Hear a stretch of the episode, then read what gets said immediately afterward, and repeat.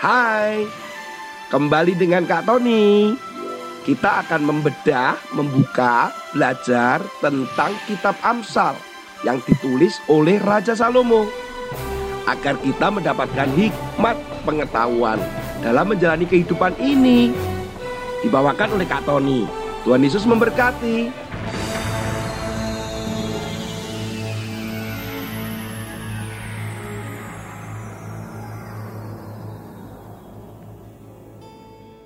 Hai hai hai.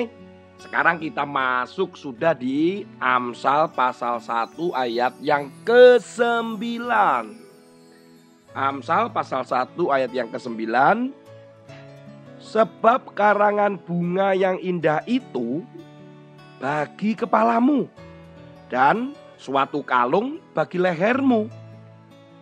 Kalau di dalam terjemahan King James ayat Amsal ini dalam pasal 1 ayat 9 dikatakan demikian.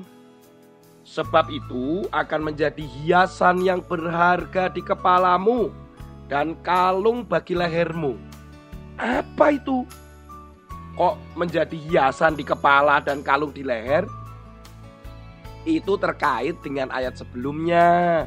Ayat sebelumnya kan mengatakan, Hei anakku, dengarkanlah didikan ayahmu dan jangan menyia-nyiakan ajaran ibumu.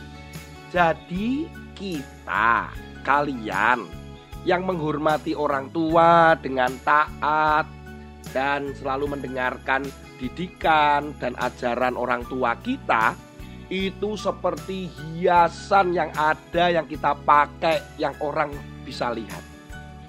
Tetapi masalahnya yang dilihat orang itu bukan secara fisik dengan matanya, tetapi sesuatu yang tersembunyi karena kita melakukannya dengan perilaku, sikap, cara berpikir.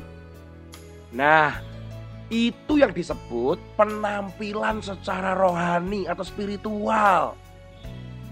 Nah, manusia ini, anak-anak, sering kali memperhatikan penampilan yang luar saja atau disebut dengan kata lain penampilan jasmani yang selalu ingin dilihat orang dengan berbagai model rambut, model baju, dengan bergaya sepatu yang baru, make up, wah macam-macam.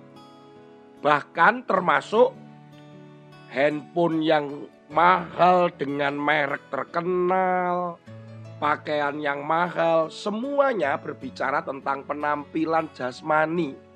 Supaya manusia ingin dihargai, ingin dilihat, ingin diterima, ingin dianggap TOP BGT. Apa itu TOP BGT? Top banget.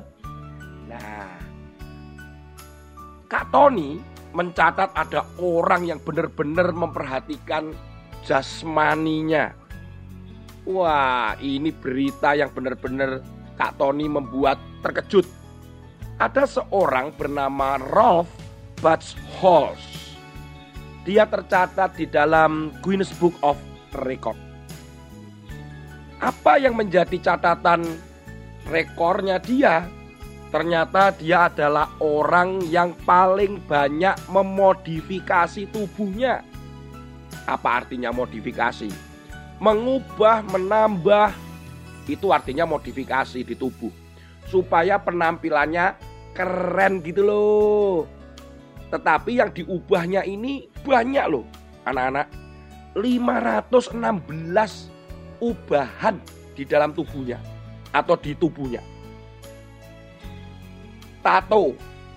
Wih, tato, tubuhnya penuh dengan tato.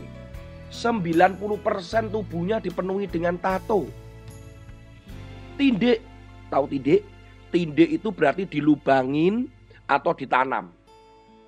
Dia menindik tubuhnya itu sejumlah 453 tindikan. Wih.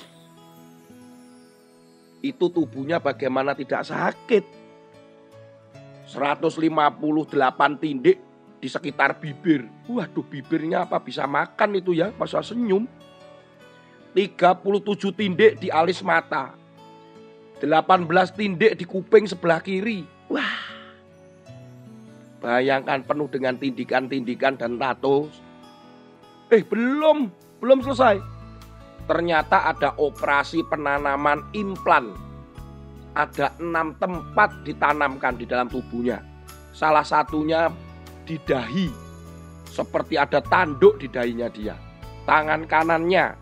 Pokoknya semuanya serba modifikasi pengubahan tubuhnya. Dia memperhatikan hanya jasmaninya saja Bahkan ketika dia bertemu dengan wartawan setahun yang lalu dia mengatakan bahwa dia tidak akan berhenti sampai di sini dan dia akan terus melanjutkan modifikasi. Ah, modifikasi. Menurut Kak Tony malah merusak tubuhnya. Ya, penampilan jasmaninya yang paling diutamakan. Kasihan ya Pak Rolf ini. Anak-anak, mari kita perhatikan penampilan kita yang secara rohani. Penampilan kita secara rohani itu Amsal katakan kalau kita menghormati orang tua kita. Memperhatikan didikan orang tua kita, ayahmu, ibumu, dan melakukannya dengan taat, dengan hormat, dengan setia. Orang akan melihat bahwa kita benar-benar menjadi anak yang takut akan Tuhan. Anak yang menghormati orang tuanya. Percaya deh, kalau kita melakukan seperti Amsal yang tulis itu, bukan hanya hiasan rohani yang akan kita pakai ke mana-mana, tetapi berkat Tuhan juga turun ke atasmu. Percaya. Ayo kita serius menggunakan perhiasan rohani kita. Mau nggak? Jangan seperti Pak Rolf lah. Menindik menindik.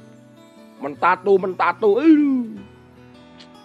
oke sampai jumpa di Amsal berikutnya. Tuhan Yesus memberkati